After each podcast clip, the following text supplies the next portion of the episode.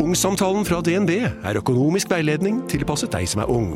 Bokk en ungsamtale på dnb.no. ung. Ok, det var jo en syk døll måte å forklare ungsamtalen på, da. En smart prat om penga mine, ville jeg sagt. Ikke sånn kjedelig økonomisprat, skjønner du. En podkast fra Podplay. Hei, folkens. Dette her er ikke din run of the mill-podkast. Det her er Fytologi. Jeg er Maria Moen. I'm her.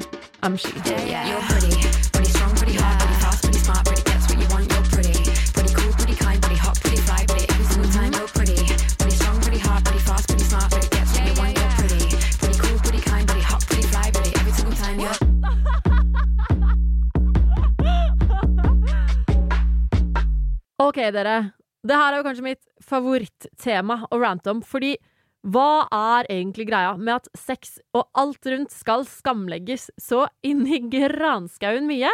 Jeg er så for å snakke om sex på en skamløs måte, fordi vi møter så mange fordommer når vi legger skam rundt sex selv. Og hvorfor er det sånn? Hvorfor skammer vi oss så mye? Hvorfor skammer voksne seg? Hvorfor skammer ungdommer seg for å snakke om sex? Og hvorfor skamlegges alle aspekter rundt det mest naturlige som finnes? Grunnen til at vi mennesker går på denne kloden, nemlig sex. I dag skal vi snakke om seksualundervisningen i skolen, og hvordan den kan løses på en måte som gjør at folk ikke syns det er flaut å snakke om sex, og hvordan man skal gå fram når det kommer til grensesetting, hvordan sex i media påvirker de unge, og alt det der om onani, kjønnssykdommer, fordi, hallo dere, til dere som ikke har fått med dere det ennå, så er faktisk ikke klamma en dødsdom. Og vi skal også snakke litt om hvor sunt det er å utforske egen seksualitet, og da å slippe skammen rundt dette her. I dag har jeg med verdens kuleste gjest på dette feltet. Mer om det nå.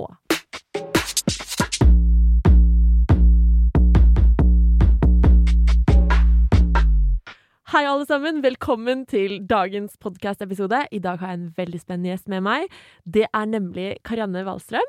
Og vi skal snakke litt om seksualitet og psykisk helse i et skoleperspektiv. Og du må da fortelle litt om deg selv. Ja, tusen takk for at jeg får være her, Maria. Ja. Veldig gøy. Jeg gleder meg så jeg til å høre alle episodene du kommer til å slippe ved denne podkasten. Tusen takk. Jeg tror du får en skikkelig bra snert. Podkasten din får en bra snert. Ikke sant? Men uh, jeg er jo uh, Karianne Wahlstrøm. Vært med på Farmen, Torpet. Er lærer. 30 Mm. år. Akkurat blitt 30 år. Mer optimistisk til livet enn jeg har vært noen gang. Og så deilig! Åh, De- nydelig. Vi pleier å kalle det dirty 30, men eh, jeg vet ikke om du føler deg så dirty. vet, du, hva? Jeg føler at jeg, er klar for å være mer dirty nå enn jeg har vært noen gang. Fordi Ikke så deilig! man får litt mer selvtillit med åra, sier de. Ja. Jeg føler på det. Kvinner eldes som god vin, sier de. Eller god årgangsvin. Blir bedre på åra. Ja, det er jo helt nydelig. Ja, men da er, man, da er vi to kvinner i vår beste alder. Er det ikke det? Eller ja, det, jeg tenker den beste alderen er eh, varer lenge. Mm. Men kan ikke du Altså, fordi jeg kjenner jo deg som en veldig sterk og selvstendig kvinne som har ekstremt mye gode verdier, og som bruker plattformene dine på å, både i klasserommet og på Instagram til å formidle disse fine tingene her. Hva er eh, motivasjonen din bak det? Em, jeg er uh, veldig opptatt av å prate høyt om tematikk som veldig mange syns er vanskelig og flaut. Mm. Sånn vet jeg du er også, så vi er Ja. nok ganske like der. Og det tror jeg er Noen er nok på en måte i gåseøynene begavet med den evnen til å snakke høyt, da. Ja. På en litt, med å være uredde og, og nesten la seg provosere av eh, tematikk som mangler å komme frem i lyset, på en måte. Ja. Om det er seksualitet eller psykisk helse eller Mm. selvmord eller eh, seksuelle overgrep eller hva det måtte være. Men jeg har en sånn eh, indre stemme i meg som bare sier at jeg må bruke min stemme for andre, som ikke syns det er så lett. Og det velger jeg å gjøre i sosiale medier, eh, med lekenhet og letthet og Mm. folkelighet. Og så velger jeg å gjøre det også i klasserommet. Ja. På en uhøytidelig og litt sånn lett måte. Ja, lave skuldre og åpenhet, Mm. og det, det digger jeg veldig med deg. Jeg også er jo Det er en grunn til at jeg starta denne podkasten her, for å snakke om akkurat disse tingene som folk er litt redde for å berøre. Mm. Fordi det er Jeg tenker at når man snakker mer om det, så skaper det en større åpenhet i, det, altså, i samfunnet, og det inspirerer andre til å prate om det. Og det inspirerer til at ikke alle syns det er så skummelt lenger. Mm. Og sånn sett så syns jeg du er et fantastisk forbilde, både på Instagrammen din og det at du tar dette med deg inn i klasserommet, er jo herregud. Flere Tusen lærere takk. burde jo være sånn. Det er kjempehyggelig. Mm. Og da vil jeg spørre deg, vil du kalle deg en feminist? Og vet du hva, det spørsmålet der syns jeg er så spennende, fordi tidligere så har jeg alltid Mm. tenkt at eh, feminister ser sånn og sånn ut. Jeg har hatt sånne stereotypiske holdninger til hvordan en feminist er Mm. og ser ut. Men så, jo mer man ser i sosiale medier, og jo mer jeg skjønner at det handler om like rettigheter for kvinner og menn, Mm.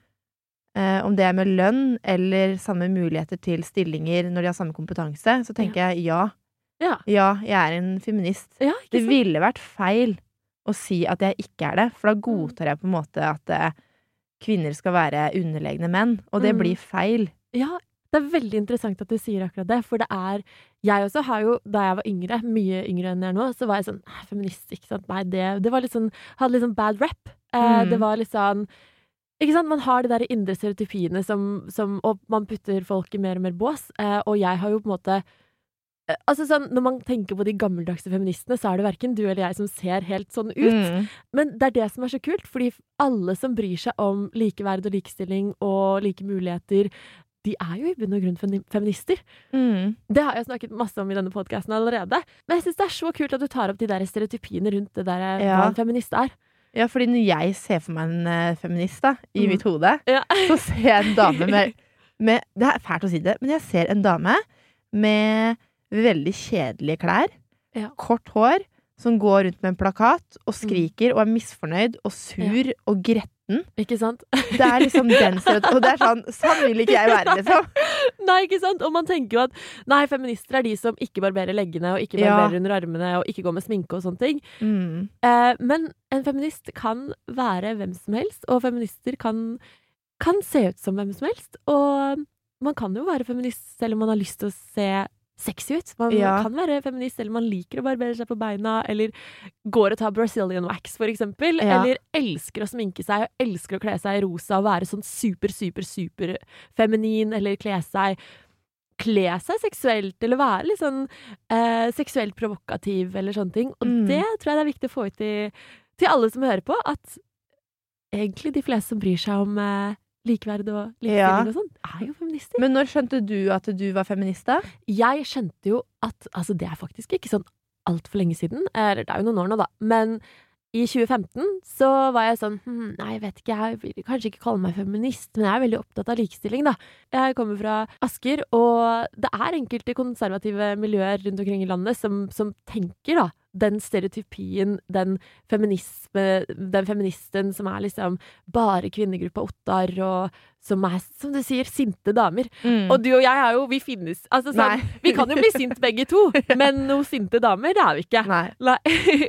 ja, og dette her også, eh, litt av målet med denne podkasten, for det finnes jo en del podcaster der ute som handler om feminisme og sånne ting. Eh, men det er jo egentlig det at eh, det her er ikke et sted man skal sitte og slenge dritt om menn, fordi menn er Mm. også veldig bra, og det trenger vi òg. Og Mm.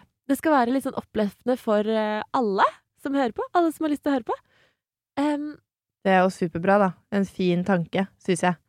For det er typisk det òg, at man tenker at feminister hater menn. ja. Det, Men og sånn trenger det heller ikke å være. Nei, absolutt ikke. Og altså, jeg vil jo si at hvis man er en mannehater, så er man jo kanskje ikke en feminist. Ja. Er det, er det provoserende å si? Nei, det er vel eh, Ja, ja Hvis man er opptatt av likeverd, Mm, hvis man er opptatt av at sant? vi skal være verdt like mye, og du hater menn, Det er veldig godt poeng. ja, for da, da blir det jo sånn at eh, enten hvis du er opptatt av likestilling og hater menn, så betyr det også at du hater kvinner, Mm. eller Ja, det er bare en logisk brist i det hele, tenker jeg. Mm. Det er jeg helt enig i. Ja. Men tilbake til deg. Mm. og deg som lærer. Fordi jeg har fulgt masse med på Instagrammen din og um, om alt du gjør, og det er spesielt én ting jeg bet meg veldig merke i, Ja. eh, som var så kult å se. Og du har noe som heter Uke seks. Ja. På skolen, der du snakker om seksualitet. Kan ikke du eh, fortelle litt om hvordan det går til? Ja. Um, jeg er jo lærer i niende klasse, og Mm. alle som har vært i den eh, alderen selv, de vet at uh, da tenker man veldig mye på Hvordan er det å kline? Hvordan er underlivet til en jente? Hvordan er det å ha sex? Hvordan putter jeg opp en tampong? Mm. Um, hvor går grensene? Hva er det greit å se på porno? Mm. Jeg mener jo at eh, når man er i klasserommet, så Mm. har du på en måte et større ansvar enn bare det faglige. Ja. Du skal også gi elevene dine sosial og emosjonell kompetanse, eksempel. ja, Står ikke det også i læreplanen, faktisk? Jo. For det er jo en del av det å være lærer. Men det er kanskje ikke alle som er like gode på det. Jeg syns jo du er helt super når du tar inn disse temaene. Hvordan er det du, hvordan er det du snakker med dem om, eh, om de tingene, da? Oi, jeg snakker veldig åpent. Ja, så deilig. Jeg, jeg er jo veldig åpen, og det er jo på en måte min fordel. At Ja. jeg er trent på åpenhet gjennom Mm. å ha brukt sosiale medier i mange år, eksempel. Ja. Det å snakke ufiltrert er egentlig ikke så vanskelig for meg. Men jeg var litt redd i forkant av uke seks, fordi jeg visste at når uke seks kommer, Mm. så skal det være fokus på psykisk helse og seksualitet og legning og alt som det innebærer. Og her må jeg tørre å være like åpen som jeg er i sosiale medier. Og eh, da er det rett og slett å høre med de hva de ønsker seg å snakke om. Ja. Og så bjuda jeg rett og slett veldig på selv. Jeg sier at eh, alle 7,8 milliarder mennesker i denne verden, hvordan er det vi blir født? Ja. Vi blir født ut av vaginaen på en dame. En vagina, ja, det kan kalles også en fitte. Det kan Mm. kalles eh, tiss. Det kan kalles underliv. Ja. Så begynner jeg bare rett på med å finne en felles plattform med at alle er født ut av vaginaen på en dame. Ja. Og hvordan, hvordan skal det til? Jo, da må man ha sæd fra en mann. Så da må den Mm. penisen inn der. Jeg sier liksom litt sånn naturfaglige greier på en veldig enkel måte først, da. Mm. Uten å snakke som at jeg på en måte er en sånn gammeldags eh, helsesøster som Ja. skal være veldig teknisk. ja, sånn at det er mer relaterbart for elevene, Ja. rett og slett. ja, fordi det er altså Det er veldig mange elever som savner litt mer relevant informasjon og læring knytta til sex og seksualitet og sånn. Og fordi per dags dato så er det fortsatt et veldig sånn naturfaglig preg over seksualundervisning på skolen. Ja. At det blir litt sånn tre på en banan, en kondom, liksom. ja det, herregud, det gjorde jo jeg da jeg gikk på skolen! Og det er ikke nok, altså. Nei, Det det, er jo, ikke. det er jo helt forferdelig. Mm. Jeg husker jo selv at jeg dre- Vi dreiv jo med når vi gikk i sånn sjette-sjuende klasse og skulle tre på kondom, og hver gang vi hadde seksualundervisning etter det, så skulle man tre på en kondom igjen, og det er bare sånn Hvorfor handler det bare om å tre på en kondom? Ja, for det blir så teknisk, og Ja. det er så mye mer enn det tekniske. Det er Ja. på en måte den, alle følelsene, alle tankene, alle Ja. redslene, alle begrensningene. Det kulturelle du vokser opp innenfor, Mm. som kan stoppe deg fra å tørre en gang å tenke tanken på ulike ting, for du skammer deg over det. Ja, og åh, der sier du noe så sykt viktig. Det Mm. er for det første det der med følelsene knyttet til det. Fordi da jeg gikk i åttende klasse selv, så hadde jeg jo på en måte ingen konsept. Jeg visste jo hva på en måte det mekaniske sex var, Mm. eh, men jeg hadde ingen konsept om de følelsene som lå rundt, og alle forventningene, eller Altså sånn, det var Mm. et totalt liksom uutforsket terreng, og så syns jeg det er så fint at du snakker om det også. Hvordan formidler du følelsene, og, og hvordan snakker du om det aspektet? Nei, altså det som jeg syns var så fint um, i, i min klasse, var Mm. at uh, jeg snakka med dem om hvilke utfordringer tror dere at man kan møte på gjennom ungdomsskolen knytta til Mm. sex og seksualitet. Og da var det veldig mye sånn tvil på hvem man liker, uh, at man er redd for å liksom gå over streken, redd for å utforske, redd for hva Mm. mamma sier, redd for hva vennene sier, redd for å bli filma, redd Ja. for at du skal virke dum og ekkel hvis du eksempel liker en av samme kjønn. Ja. Så vi hadde en sånn kjempefin samtale om hva man kan forvente å møte hva, Og så sa jeg liksom sånn Hva er det som dere mest sannsynlig vil oppleve på ungdomsskolen? Jo, Mm. å kysse. Og kline. Ja. Og kanskje bli eksponert for alkohol. Kanskje noen spør dere om å teste dop. Kanskje noen har sex. Kanskje noen ikke Mm. har sex. Mm. Og der er det ikke noe rett eller gærent når man debuterer. Nei. Men vi snakker veldig sånn Ok, og hvorfor Hva er mest riktig, da? Er det mest riktig å ha sex tidlig, eller å vente til man er eh, eldre? Mm. Og det å Hva, snakke hva på sa de da? Hva, hva, for da kan jeg tenke at du Mm. hadde sikkert mye forskjellige svar. Masse. Ja. Og eh, elevene er jo veldig reflekterte, Mm. og de er jo veldig De resonnerer seg jo veldig fram til at man må jo være klar og ha lyst selv. Ja. Det er veldig bra de sier. Ja, Mm. men jeg syns jo at eh, Jeg syns jo at det mest meningsfulle for min del var også Mm. å snakke mye om seksuelle overgrep. Ja. og grensesetting og sånne Ja. ting. Det er så viktig å ta det fra ung alder. Mm. Fordi per dags dato så snakkes det mye om at eh, nei, jenter ikke blir for full, eh, pass på at du ikke går hjem alene, pass på Eller ta en taxi, men ah, pass på han taxisjåføren. Så mye forskjellig. Det ligger veldig mye ansvar på oss jentene om å Mm. ikke bli utsatt for overgrep. Mm. Men det er jo ikke vi det er jo ikke, Vi begår jo ikke overgrep mot oss selv. Nei. Og, og jeg er også veldig for det der at hvis du er trygg i det seksuelle, eller trygg på din seksualitet da, og dine Ja. grenser, så er det mye lettere å sette dem overfor andre også. Mm. Hvordan, hvordan går det frem når du snakker om eh, den grensesettinga? Det er jo litt sånn eh, hvordan kan jenter hjelpe til for at gutter skal bli trygge og snille ungdommer og Ja. unge voksne? Ja. Og hvordan, hvordan kan jenter helt seriøst hjelpe menn til å bli sånne menn som ikke voldtar, da, eller ikke gjør Ja. ting som ikke er greit? Mm. Og da er det jo å gi dem bekreftelse og gi dem trygghet og Ja. si hva man liker, snakke og ha samtalen. Ja. Og det går jo også omvendt, for jeg tenker jo at eh, man trenger jo dialog uten å få et språk Uten å få et språk, uten å Ja. trene på et språk knytta til grenser og sex og seksualitet, Ja. så er det veldig mangel. Og det jeg også tenker, er at eh, det er veldig mangelfull opplæring knytta til seksualitet på lærerutdanninga. Det, ja. Og det, og det er jo et tegn på at eh, å ja, det er kanskje ikke så viktig. Nei. Og det er kjempeviktig. Det er kjempeviktig. Det er, det er skikkelig ille. Mm, Eh, det er ille.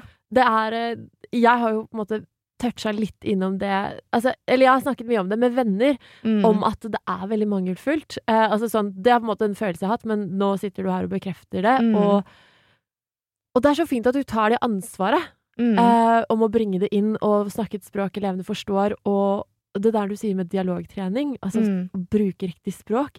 Og det er så fint at du også som lærer gjør det, for du vet hvordan du skal snakke med elevene dine. Du vet Mm. du kjenner dem veldig godt. Altså, du er sikkert en favorittlærer for de aller, aller fleste, som tør å snakke om disse tingene, og som er åpen og inviterer til åpenhet. Mm. For det er jo noe som skaper trygghet, og trygghet, det fremmer læring. Ja, det er jeg veldig enig i, og tusen takk for at du sier det.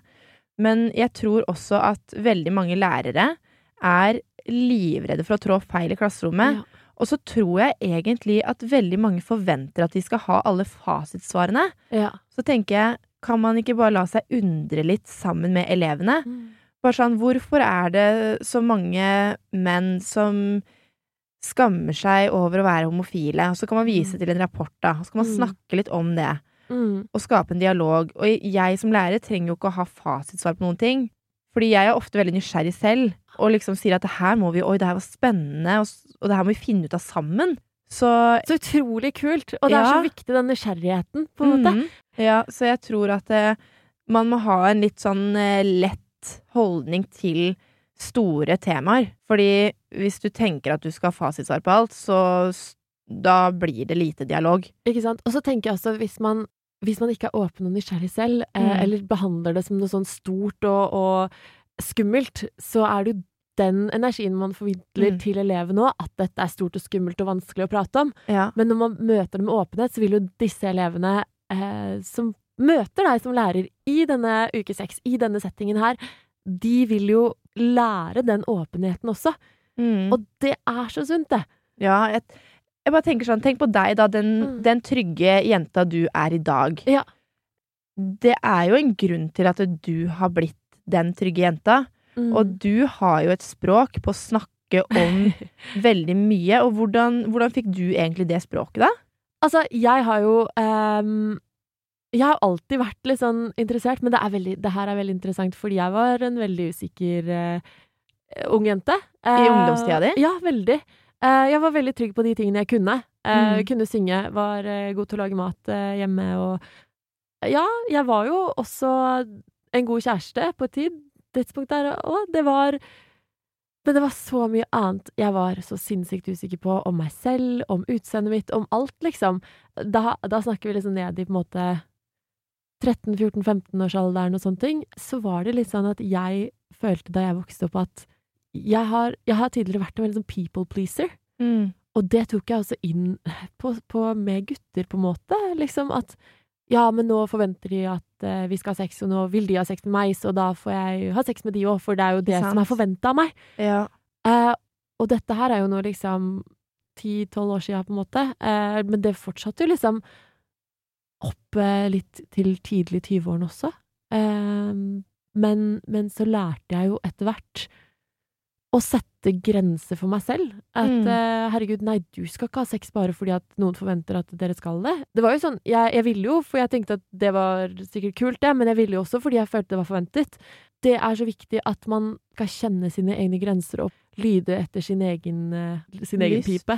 Ja, Ja. ja og, og på en måte kjenne på hva man faktisk har lyst til i øyeblikket, da. Mm. Men jeg var også en veldig kåt ungdom. Det var jeg veldig. Så, når jeg, så herlig.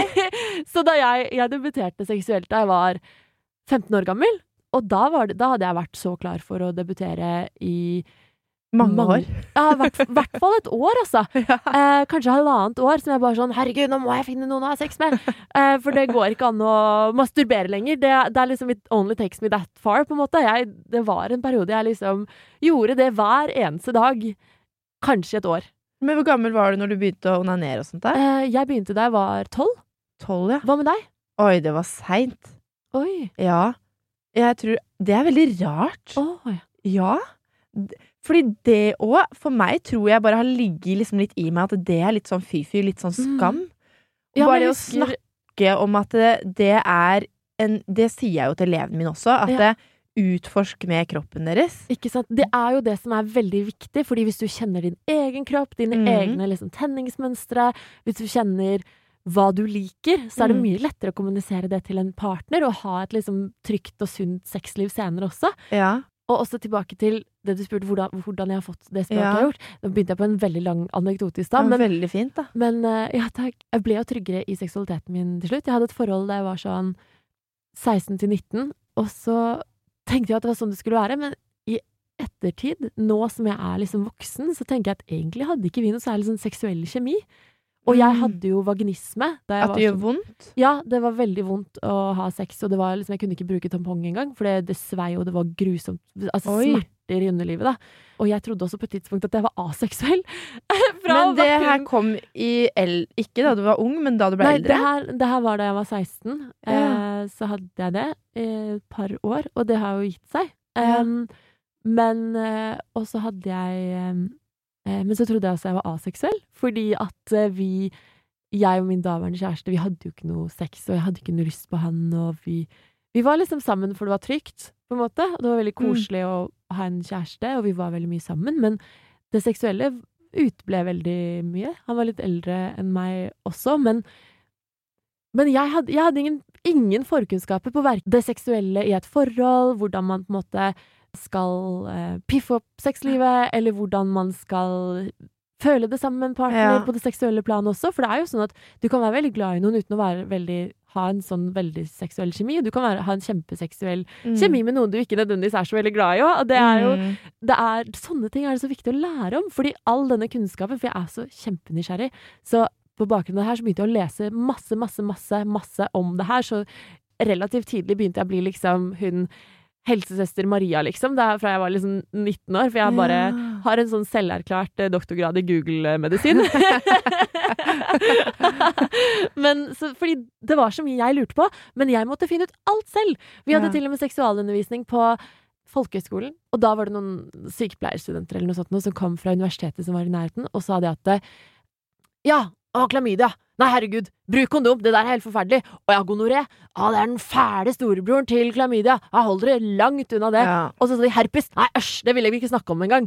Og jeg bare sånn Det der er det motsatte av seksualundervisning. Det der er seksualskam. ja, Det, det er det. det er helt krise. Ja. Fordi er man seksuelt aktiv, har man ubeskytta sex.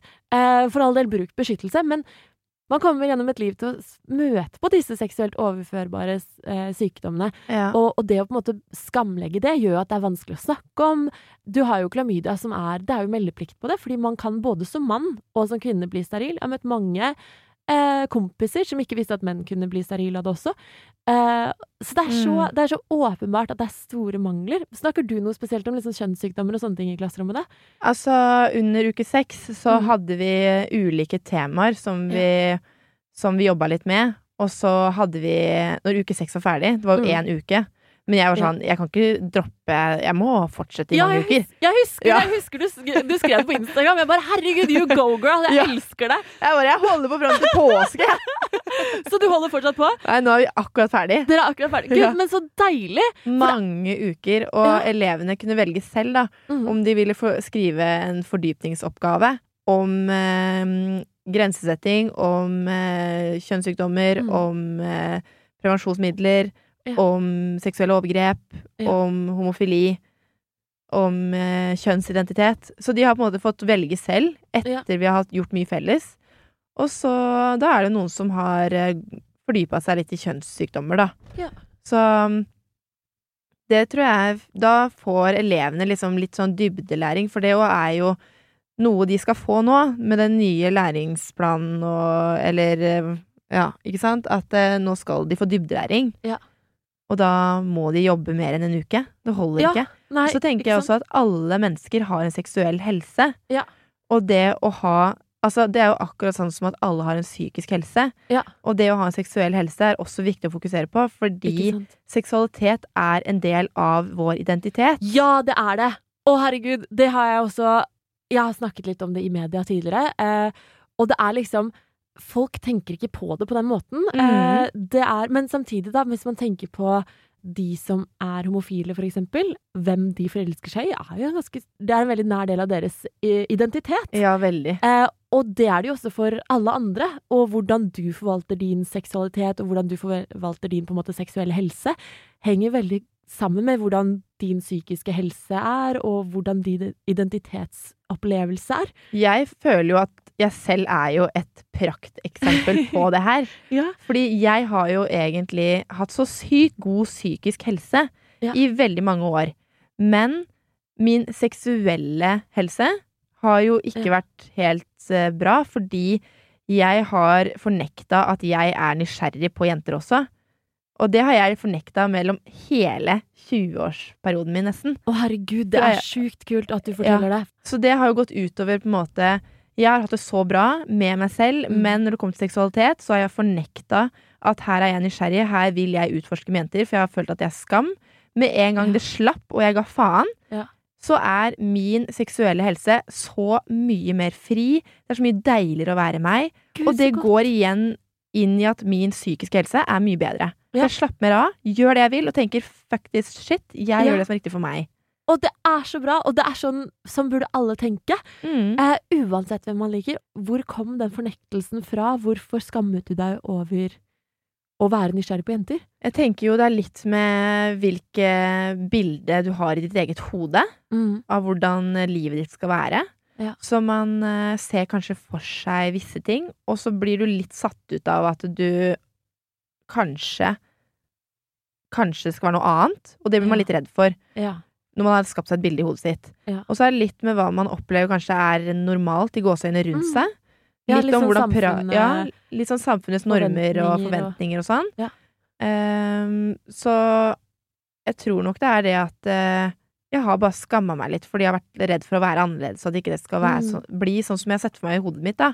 Ja. Men jeg har jo merka det at nå etter å ha utforska mye med jenter, og data Mm. jenter i lengre perioder og sånne ting, Ja. så har jeg fått en veldig ro over meg. Jeg, nysgjerrigheten er på en måte temma veldig. Mm. Det er sånn åh, deilig, nå vet jeg at det funker også for meg. Ja. Men nå er det litt mer sånn jeg står med åpne armer og tar imot det som kanskje mer er riktig, da. Ja. Om det er en eldre mann, og jeg dater jo nå en eh, godt eldre mann og syns det er kjempefint. hyggelig! Men nå har jeg mer roa, og jeg tror ikke jeg hadde fått det uten Nei. å ha liksom åh, gjort det som er riktig for meg. Ikke sant?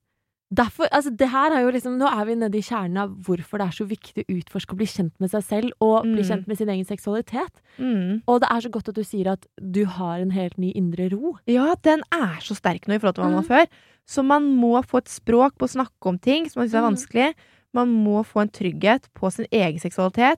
Det skal ikke være sånn at unge mennesker skammer seg for å se Nei. på porno, eller at man er nysgjerrig, eller Det skal ikke være sånn at voksne mennesker heller skammer seg over tanker eller fantasier de har. For det er så fint. Det gir masse glede og energi og gnist i livet. Ja, og jeg tør påstå det at det, altså, seksualdriften vår er noe av det mest menneskelige med oss. Mm. Det er jo, det er jo rent artsmessig overlevelsesstrategi, holdt jeg på å si. Eller det Mm. er jo Vi er skapt for å være seksuelle vesener. Ja. Eh, det og mange andre ting. Eh, Ja. Og da er det så sykt at vi i liksom 2021 fortsatt eh, at det er så mange som skammer seg, og at vi samtidig lever i et veldig seksualisert samfunn. Mm. Eh, og, og jeg har jo også Jeg var innom eh, podden til VG eh, og snakket om på en måte når det var riktig å være å, å gi opp jomfrudommen sin, da, for det var så Ja. mange som skammet seg over å være jomfru. ja. Og så er det jo også sam, på sam, altså, I samme mynt, på en måte, så er det veldig mange som skammer seg over å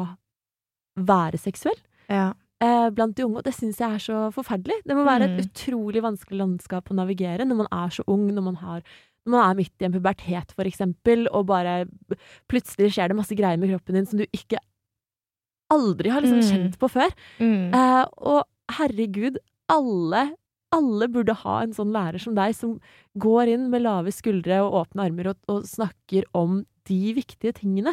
Men så tenker jeg også at man trenger mennesker som deg, som snakker om seksualitet på en ufarlig måte, og du har jo stått fram i aviser og vist på TV at det, du bare eier din seksualitet, og at det er naturlig, og dette er liksom en del av oss alle. Ja. Så kanskje liksom Kanskje jeg klarer å få noen elever til å bli litt sånn, ja, gira på utforske, da. ja. På grunn av at eh, det er et eller annet jeg setter i gang eh, i klasserommet, på en måte, som Mhm. gjør at de ikke skammer seg, og de er ikke redde. Ikke sant? Og at de kanskje blir litt sånn som deg, da. Det er jo en gave, det. Det blir flere som deg. Ja, i hvert fall. Altså, man trenger kanskje ikke å ha så mye sex på TV. Nei, på TV kan de, de kan godt Men- ha det på soverommet sitt. Ja. men, men er Du angrer ikke på at du har sex på TV? Nei, nei, jeg angrer ikke. Fordi sånn er jeg, liksom. Det var ikke noe farlig for min del. Merka at grensene mine flytta seg veldig da, da mitt underliv var smørt over alle skjermer. på en måte. Da kjente jeg at det vil jeg holde for meg selv nå. Uh, og det er også sånn interessant hvordan grenser også flytter seg lite grann. Men, men det å på en måte tørre å stå i den seksualiteten man har, Ja. og ikke skamme seg for den, uansett hvor man er på skalaen, det er det som er så viktig for meg å formidle. Mm. Um, at man skal Fordi da jeg var ung også, nå har jeg fortalt om det ene og det andre, vaginisme, at jeg trodde jeg var aseksuell, eh, men som jeg også sa, da jeg var liksom tenåring, så var jeg en veldig kåt jente, liksom. Tenkte du at noe var gærent med deg da? Ja, herregud! Etter min første, etter, første gang jeg hadde liksom um, onanert og fått orgasme, Ja. så gikk jeg rundt og skamma meg. Jeg så Ja, i gjorde gulvet dagen etter på skolen. Jeg var sånn Herregud, kan de se det på meg? Kan de se noe annerledes med meg? Og så akkurat samme med dagen etter jeg debuterte seksuelt. Jeg følte at det bare lå en sånn sky av skam rundt meg. Og det var så Men det forferdelig! er så Hvorfor er det sånn, på en måte? Det Eller- skal, og så skal, og så skal, skal det jo heller ikke være sånn. Nei, det skal jo ikke det. Og så skal det jo heller ikke være sånn at jenter skal skamme seg for at de blir kåte. Det er jo ikke bare menn som skal føle at de blir kåte. Jenter har også en lyst. Mhm. Og så er det jo det der at du Det er veldig sånn hardt å vokse opp, og det er mye Det kan jo sikkert du fortelle mye mer om, men det er jo ganske mye liksom Dårlig liksom ordslenging og sånn som Mm. går på Altså, ja, la oss snakke litt om det å kalle hverandre hore. Ja, Ja. Det er jo slutshaming. Slutshaming. Opplever du at det skjer mye, liksom? Ja. Ikke mye, men jeg, ja, jeg, hører jo, jeg hører jo ord og Mm. begreper som slenges. Mm, Og det er jo også en tematikk som jeg har tatt opp i klasserommet, og det er at eh, det er jenter må slutte å kalle hverandre for eksempel for hore. Ja. Fordi det er med på å skape et bilde av jenter som ikke er sunt, verken Mm. for uh, trivsel eller for eh, Det er bare ikke sunt. Nei. Og det er litt det samme som at eh, jeg er jo lærer i et veldig flerkulturelt klasserom. Jeg har Ja. jo 13 nasjonaliteter i klasserommet. Ja. Og vi har jo snakka veldig mye om rasisme og sånt også. Ja. Og da sier jeg jo til elevene mine at hvis dere går rundt og kaller hverandre neger og din jævla liksom ditt og datt, så må dere forvente at andre rundt hører hvordan dere snakker til hverandre. Så dere må, dere må snakke til hverandre sånn som dere egentlig vil at andre også skal snakke til dere. Så dere, Og det gjelder å liksom Det å snakke til hverandre 'Å, din jævla neger', 'Å, det er gøy', liksom. Mm. Det er Og det å jævla hore, det er på en måte et språkbruk man må være litt bevisst på, for det har større ringvirkninger, da. Ja, fordi ordene du velger å bruke Altså, ord har ekstremt mye makt. Ja. Ord har, det er jo derfor det er mange ting man ikke skal kalle hverandre. Ikke for Mhm. gøy engang, fordi det er det, det skaper Det normaliserer og Kan kan jeg dra det så langt og si det er trakasserende, på en måte? Mm, Det er jo det blir jo det. Ja, og jeg også Det kan jo oppleves, det er jo den personen som Mm. får dette slengt på seg. Det er jo opp til den å bedømme om dette er, føles trakasserende. mm, Og det er jo det er jo ikke lov å slenge ut hatefulle ytringer eller Nei. ord og. Altså, det er jo nedverdigende. Det er jo krenkelse. Krenkelse Ja. er ikke lov. Det er ikke greit. Nei. Og jeg vet ikke hvordan det var da du vokste opp, men jeg har jo Altså, jeg har jo fått slengt horekommentarer fra siden før eh, jeg seksuelt debuterte. Mm. Eh, og det her har jeg snakket om eh, før òg, men det der at man som kvinne, på grunn av litt hvordan det er rundt omkring i samfunnet, så, så er det liksom Det er så vanskelig, hvor du trår feil uansett. Du blir kalt eh, hore om du har sex eller ikke har Mm. sex. Du blir kalt jomfru hvis du har sex eller ikke har sex. Altså sånn du får sånne eh, egentlig ganske sånn Det er jo ikke, det er ikke en stygg merkelapp å bli kalt eh, jomfru, men du blir på en måte Mm. eh, satt i bås. Din seksualitet blir liksom satt i bås på en nedverdigende måte på, fra ganske ung alder, og da er du liksom Å vokse opp da, opp Mm. pubertet og alt det som jeg har snakket om, det å på en måte skulle navigere det at det, alle rundt deg syns din helt, helt, helt naturlige seksualitet er liksom grunnleggende feil. Mm. Altså, hva faen? Hvorfor Jeg, jeg kan ikke Altså, det er så grusomt, da. Jeg syns det er helt forferdelig. Det gjør Ja. jo, som vi snakket om, det går jo rett inn i selvfølelsen. Men jeg tenker jo at det, det man trener på, det Mm. blir man god på. Ja. Når det er mangelfull eh, undervisning knytta til seksualitet på Ja. f.eks. lærerutdanninga, så går det igjen til at det blir mest sannsynlig mangelfull undervisning i klasserommet med barn og ungdom knytta til den tematikken. Og når man ikke trener på å snakke om seksualitet, grenser, hva, hvordan tror du det føles i denne situasjonen for den personen, å ta Mm. opp scenarioer, så får ikke elever og unge mennesker trent på disse tingene. Ikke sant? Og jeg tror at veldig mange slenger ut ord og uttrykk og begreper fordi de er rett og slett ikke så veldig kompetente på området. Nei. De, Og de vet ikke mangler, hva slags, De mangler antenner. Mm. Fordi de ikke har fått trent på det sånn som man burde. Og det man trener på, blir man god på. Så jeg er jo veldig for at man skal Jeg er jo veldig gammeldags å si, men jeg liker å tenke på at jeg driver litt med både holdningsarbeid og etikette i klasserommet Ja, mitt. Ja, men det er jo Litt det. sånn, ja, litt sånn høflighet. Mm. Litt sånn eh, normal folkeskikk. Ja, men det er jævlig bra. Det er det er, det er kjempeviktig å snakke om hvordan vi skal behandle hverandre. Mm. Og spesielt også sånn nå som det er Det er jo mye altså, i TV og media der folk slenger dritt over en lav sko, ikke sant? Ja. Og, og hva slags signaler sender dette til samfunnet? Mm. Eh, det signaliserer jo at det er greit å snakke stygt til hverandre. Mm. Og, og det gjør jo ikke at verden blir et bedre sted å leve, eller et bedre sted å vokse opp, eller at man behandler hverandre bedre. Det bare normaliserer en skikkelig ukultur. Men det er jo en ting jeg har reagert veldig på. Mm. Og jeg husker jo, jeg glemmer jo ikke når jeg så Ex on the Beach og så Melina. Bare sånn du er stygg, du er feit, du er bleik, du er ikke en drittbitch, og hør her og sånn. Så tenkte Mm. jeg jo på at Og så når hun vant denne prisen Ja. Hvilken pris var det igjen, da? Gullruten? Gullruten, ja. Mm. Så tenker jeg litt på at det, det er egentlig ganske problematisk. At det er eh, oppførsel som Ja. på en måte belønnes, da. Noen ganger og ganske ofte. Og da ser man jo veldig mange hagler med kommentarer, og så ser man at hun gjør jo en kjempefin figur i 71 grader nord, og man ser jo en helt annen side av henne. Ja. Jeg syns hun er dødsherlig, Mm. men det er ofte at eh, oppførsel som på en måte er kritikkverdig, belønnes. Og det gjør jo at man må kanskje noen ganger snakke med unge mennesker om hvilke rollefigurer de ser opp til, og Ja. denne situasjonen. Ok, hva Mm. syns vi her? Og liksom Det å snakke med ungdom om situasjoner og hendelser de ser. Ja, fordi de blir eksponert for det uansett, Masse. liksom. Eh, og, og de Kanskje ikke de får lov til å se på disse programmene av foreldrene sine, men de går vel ned i kjelleren og ser på det De gjør det for det. Ja. Ungdommer gjør det de vil, og de Mm. har jo mobilen sin. Ja. Det er jo det som også er litt problematisk, at eh, voksne foreldre har egentlig Eller foreldre eller voksne personer har Mm. ikke så mye kontroll over hva ungdommer egentlig driver med eller ser på. Nei. Fordi at de har mobilen sin, men egentlig så burde det jo være litt mer sånn Ja, voksne må i hvert fall vite litt om hvilken verden de eksponeres for. Sånn at man kan ta praten og snakke om ting som de Mm. faktisk ser og Ja. hører. For du kan jo, altså sånn Du kan jo ikke endre eh, samfunnsstrukturen ved å på en måte skjule det, eller Nei. For man må liksom ta verden litt sånn som den er. Ja. Eh, og så må man heller lære seg hvordan man skal hanskes med det. Da. Hvordan Ja. man skal takle de eh, Og hvordan man skal på en måte reflektere rundt disse ah, Hvis det er artikler som er skrevet om noen som bare Mm. er eh, ren drittslenging, eksempel. Mm. Hvordan man skal eh, Hva slags signaler, hvordan det får deg til å føles.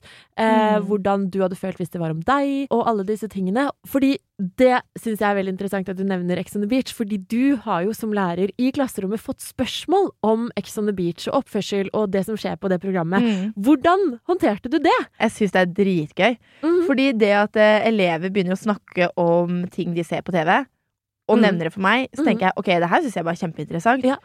Og da får vi til en sånn klassedialog om eh, ting de har sett da, på Ex on the Beach. Så Ja. tenker jeg ja, vet du hva, jeg kan egentlig bare si til Lene at det, ja, men jeg ser på det, jeg òg, liksom. Ja.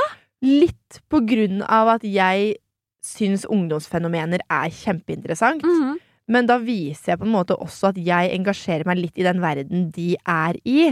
Og da er det bare positivt å prate om det. Fordi dette Jeg, jeg tror egentlig at det, mye læring skjer når det i utgangspunktet ikke skal være læring. Nemlig. Men den praten i gangen, Mm. den praten eh, som du ikke hadde forventa, den Ja. dialogen som bare kommer, der tror jeg at det synker inn mange refleksjoner og Mm. tanker og holdninger hos elevene. Så akkurat de små øyeblikkene, når elever spør meg om Ex on the Beach, eller det som skjedde der i media, eller den nyheten, Mm. så bruker jeg ofte mye tid på å prate om det. For noe som er relevant for dem, Ja. Gir dem læring hvis jeg velger å gå inn på deres felt, på en måte. Jeg får gåsehud. Jeg syns det er så fantastisk det du gjør. At du på en måte Det er jo altså jeg vet jo det veldig godt selv, at reality det har ikke nødvendigvis en god liksom, konnotasjon ved seg. Jeg har jo elsker å se på Action Beach. Jeg elsker Mm. å se på Jeg ser på alt, jeg! Og jeg har jo, jeg har jo vært med, herregud, på, på Paradise. Jeg har jo vært den der Paradise-drama-dama som eh, byr på hele godteributikken på en og samme tid. Uh, og det er jo altså og da kan vi jo snakke om hvorfor er ungdommene så opptatt av denne pule-TV-en, på en måte? Ja. For det, det er de, og det husker jo jeg også sneik meg jo til å se noen episoder etter leggetid fra Paradise Hotel da jeg var ganske Og jeg husker Big Brother, jeg. Ja, og det også husker jeg at jeg var sånn Oi, har de sex på TV? Ja. og det var jo Det var jo um, Det vekker en skikkelig nysgjerrighet i oss. I hvert fall når man er i den alderen der dette er et litt uutforsket terreng. Ja. Det er derfor også veldig mange i det skjulte søker eh, porno. Ja. For læring, og Ja. for å utforske, og for å finne ut 'oi, så spennende', liksom. Og um, den tematikken også har vi snakka masse om i klasserommet. Og det er Det skal ikke være noe skam knytta til det heller, Nei. til å utforske litt med å se på porno, fordi det er det er et eh, kjempefarvann der ute med så mye Det er så mye. Man Ja. må bare begynne å utforske litt sånn og litt sånn, og så Mm. 'oi, det syns jeg var ekkelt', ja, men da uff, det er æsj. Ja, men da fant du ut av det, da. Ja. Det, det er sånn man kommer seg fram i livet, tenker jeg. Og det er, det er sånn jeg føler egentlig at jeg har blitt så trygg på meg selv, fordi jeg har alltid vært sånn som hvis jeg er nysgjerrig på noe, eller noe jeg vil, så Mm. utforsker jeg det. Ja. Og det er jammen meg bra at jeg begynte å utforske med jenter også, mm. sånn seksuelt sett. Fordi det gir så trygghet. Ja. Jeg Mm. også har jo utforska litt med jenter, for jeg var nysgjerrig. Og så fant jeg etterpå nei, det er egentlig ikke noe interessert i det hele tatt. Og den tryggheten der og det svaret der får man ikke hvis man ikke tør å finne ut av det, Mm. på en måte. Ja. Eller hvis man på en måte prøver å undertrykke noen Ja. følelser i seg selv. Fordi det der med følelsesundertrykking er jo kjempebelastende på psyken. Så grusomt, vet du. Mhm. Uansett hva det gjelder, om det er sinne, om det er seksualitet, eller det skaper kjempestore Ja. liksom, arr inni, inni deg. Ja. Og, men tilbake til det med, med porno og sånn, fordi mm. jeg vet jo selv, eh, med meg selv, at jeg syns jo porno ofte kan bli veldig kunstig. Det er liksom ikke noe eh, Det er ikke noe ekte relasjoner. Det er ikke liksom det, Det er mye som ekkelt måte også. Ja, det er my mye, mye rart eh, Ja. på Hubbern. Æsj. Ja, masse Eh, rart. Men jeg husker jo at da jeg faktisk så på porno, da var jeg liksom 15-16 år. Mm. Eh, fordi jeg var nysgjerrig. Og i ettertid, eh, i voksen alder, og på en måte etter den tiden der, så har jeg ikke sett på porno, for jeg finner ikke så mye glede i det. Mm. Um, men det var Og det er liksom Det er jo litt sykt, for nå sitter vi og sier at det er så mye rart på porno. Det er veldig mye kunstig. Altså sånn Mm. eh, Mange av tingene er jo Altså, folk har jo kanskje er opererte. Altså eh, Det er mange ganger når de squirter på porno, for eksempel, Ja. så er det jo vann som Ja. de har putta oppi, som de klemmer ut. Og, eller at de tisser, faktisk. Og Ass, det er ikke greit. Og så mange Nei. som er så operert også, så Ja. du får jo en sånn veldig usunt bilde. Ja, Og altså, tror, bilde. du tror din, egen, din egen vagina fiffi er unormal fordi Nemlig. at uh, du føler at æsj, min ser jo annerledes ut enn de derre dåsene på, på pornoen, og så er de kanskje masse, veldig operert og Ja, for det er jo det er veldig lite mangfold i kropp, kanskje, på porno. Mm. Og, og da, da blir læringen din snever. Så det er nettopp derfor jeg Det syns kan være veldig er så skadelig å se på porno også. mm, Så det, man må gå inn med et veldig nyansert blikk og Mm. være litt kritisk. Ja. Kildekritisk. Og kildekritisk. Og kildekritikk også er veldig viktig med uh, å lære seg. Det er, Ja. det er for lite kildekritikk, egentlig. Altså, elever, barn, ungdommer, får denne mobilen i hånda si. Mm. Og det er så mye som skjer der, at, ja. og vi har ikke peiling, liksom, på halvparten. Nei, og jeg husker faktisk et veldig godt eksempel på det på, fra jeg gikk på lærerstudiet, Ja. som jeg slutta på, for jeg dro på Paradise. Du begynte på lærerstudiet? Ja, jeg gjorde det. Jeg gikk der i ett år. Er det så sant? Ja, jeg hadde også tenkt å jeg, altså, sånn, Da jeg møtte deg, så var jeg sånn Herregud, Karianne, du gjør jo Vi tenker jo likt. Altså sånn, Du vil være en inspirerende Ja. og liksom holdningsfremmende stemme i klasserommet. Og det var litt det jeg hadde lyst til eh, også, på en måte. Ja Men- herre min. Ja, men så eh, Skjedde musikken? Hva var det som Nei, jeg, altså greit at jeg fikk hjernerystelse og sånn, men, oh, ja. men det som eh, skjedde, var at jeg på en måte Jeg fikk en fiks idé om å bygge meg en plattform om, som gjorde at jeg kunne drive med litt sånn holdningsarbeid og sånne ting likevel. ja. And now we're here. And now we are here in the podcast. In the podcast om alle de tingene jeg brenner for. Og, og det er eh, Fy fader, jeg elsker den samtalen her. Det er så, Jeg lærer mye selv også. Og det er så deilig å høre om at du tar og snakker om porno. At Ja. du snakker om Ex on the Beach. At du snakker om alt det som på en måte elevene kanskje skammer seg litt over, eller gjør i det skjulte. Ja. For det skal ikke pålegge skam å være nysgjerrig eh, eller Mm. åpen. Um, for det er kun da man blir kjent med sine egne grenser. ja. Og så er det egentlig Man kan på en måte putte noen sånne begreper på det også. Fordi hvis man har for eksempel eh, visse holdninger som man ikke skjønner hvorfor man har, Ja. så kan man jo se på seksuell, seksualitet fra noen ulike perspektiver. For eksempel fra et sånt eh, eh, naturalistisk perspektiv. Ja. At eh, ok, du er født sånn og født sånn, så det er Mm. sånn det skal være. Det skal være mann, Ja. kvinne, bang, bang. Det er liksom det perspektivet. Og så er det på en måte sosialkonstruktivistisk, som er at det er noe som er sosialt konstruert, og Mm. samfunnet vokser opp i. Så man kan kanskje plassere tankene sine og holdningene sine i ulike bokser i gåseøynene, da. Ja. Hvis man ikke helt skjønner hvorfor har jeg disse holdningene. Ok, kanskje det er kulturen du har vokst opp i. Ja. Kanskje det er at du er veldig Du tror ikke på du tror på, du tror på naturvitenskap, og du tror Mm. på det, liksom. Mm. Eller tror du at det er sånn, noe som skapes bare i individet, som er flytende? Mm. Jeg tror jo veldig på det. Det At det er veldig flytende i individet. At Mm. seksualitet kan endre seg litt, og så Ja. kan man tiltrekke seg det. Og jeg tror ikke nødvendigvis at eh, Jeg tror ikke seksualitet er satt i stein. Nei, det tror ikke jeg heller. Nei. Absolutt ikke. Fordi som jeg nevnte i stad, det var en tid jeg var nysgjerrig på Mm. jenter.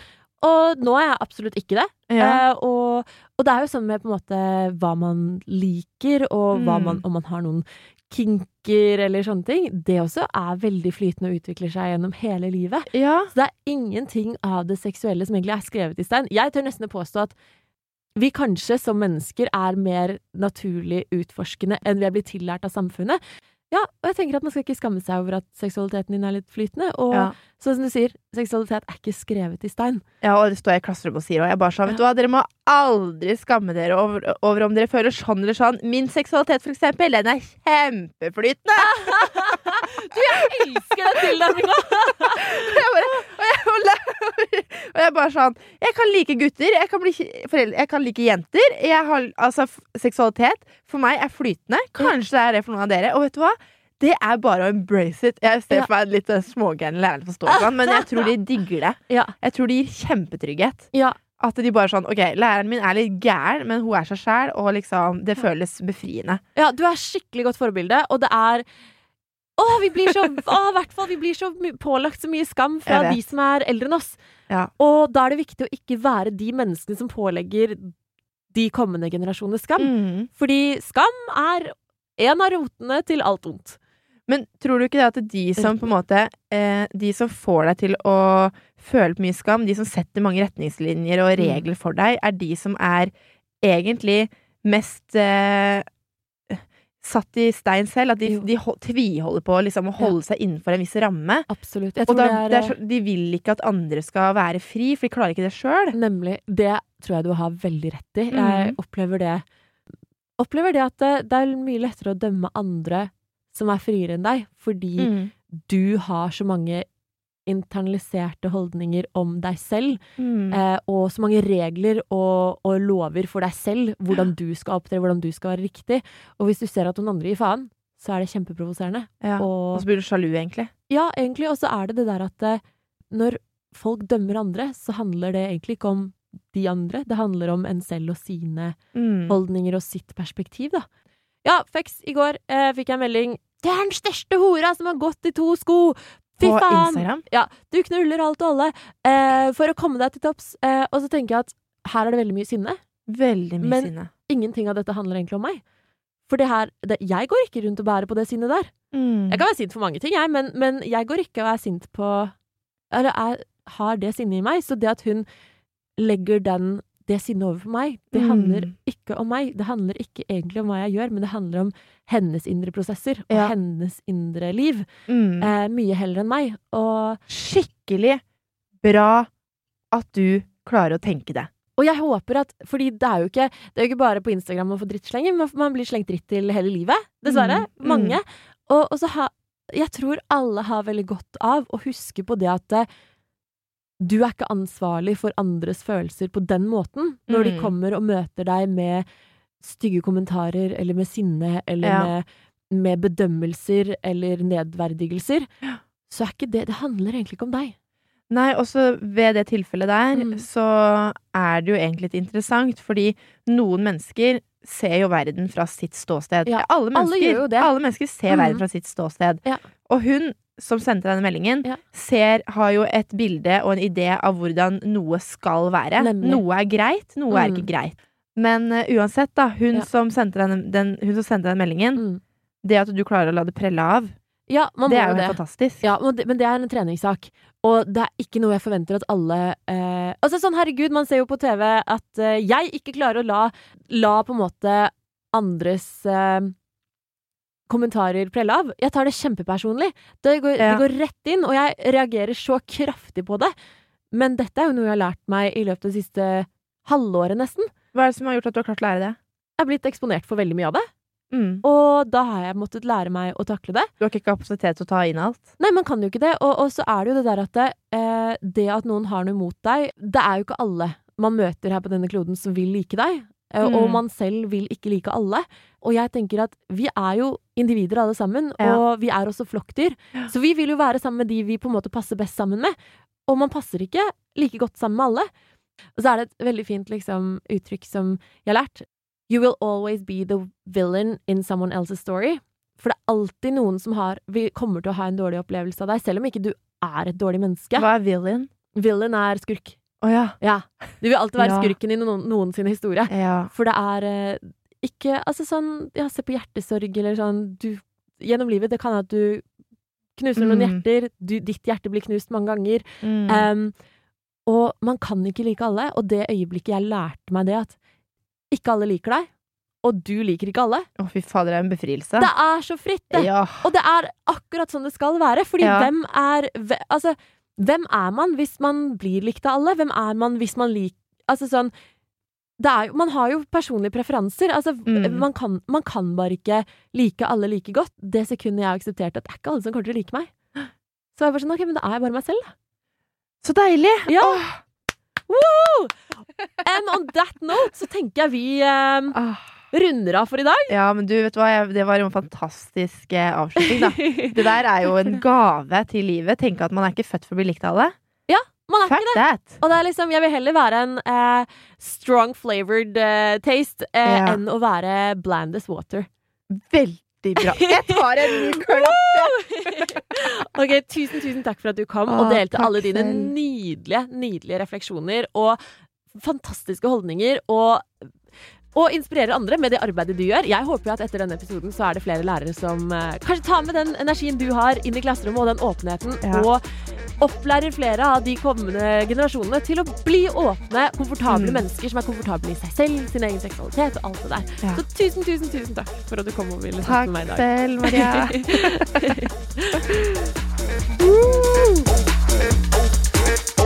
Du har hørt en podcast fra Podplay. En enklere måte å høre podkast på. Last ned appen Podplay, eller se podplay.no.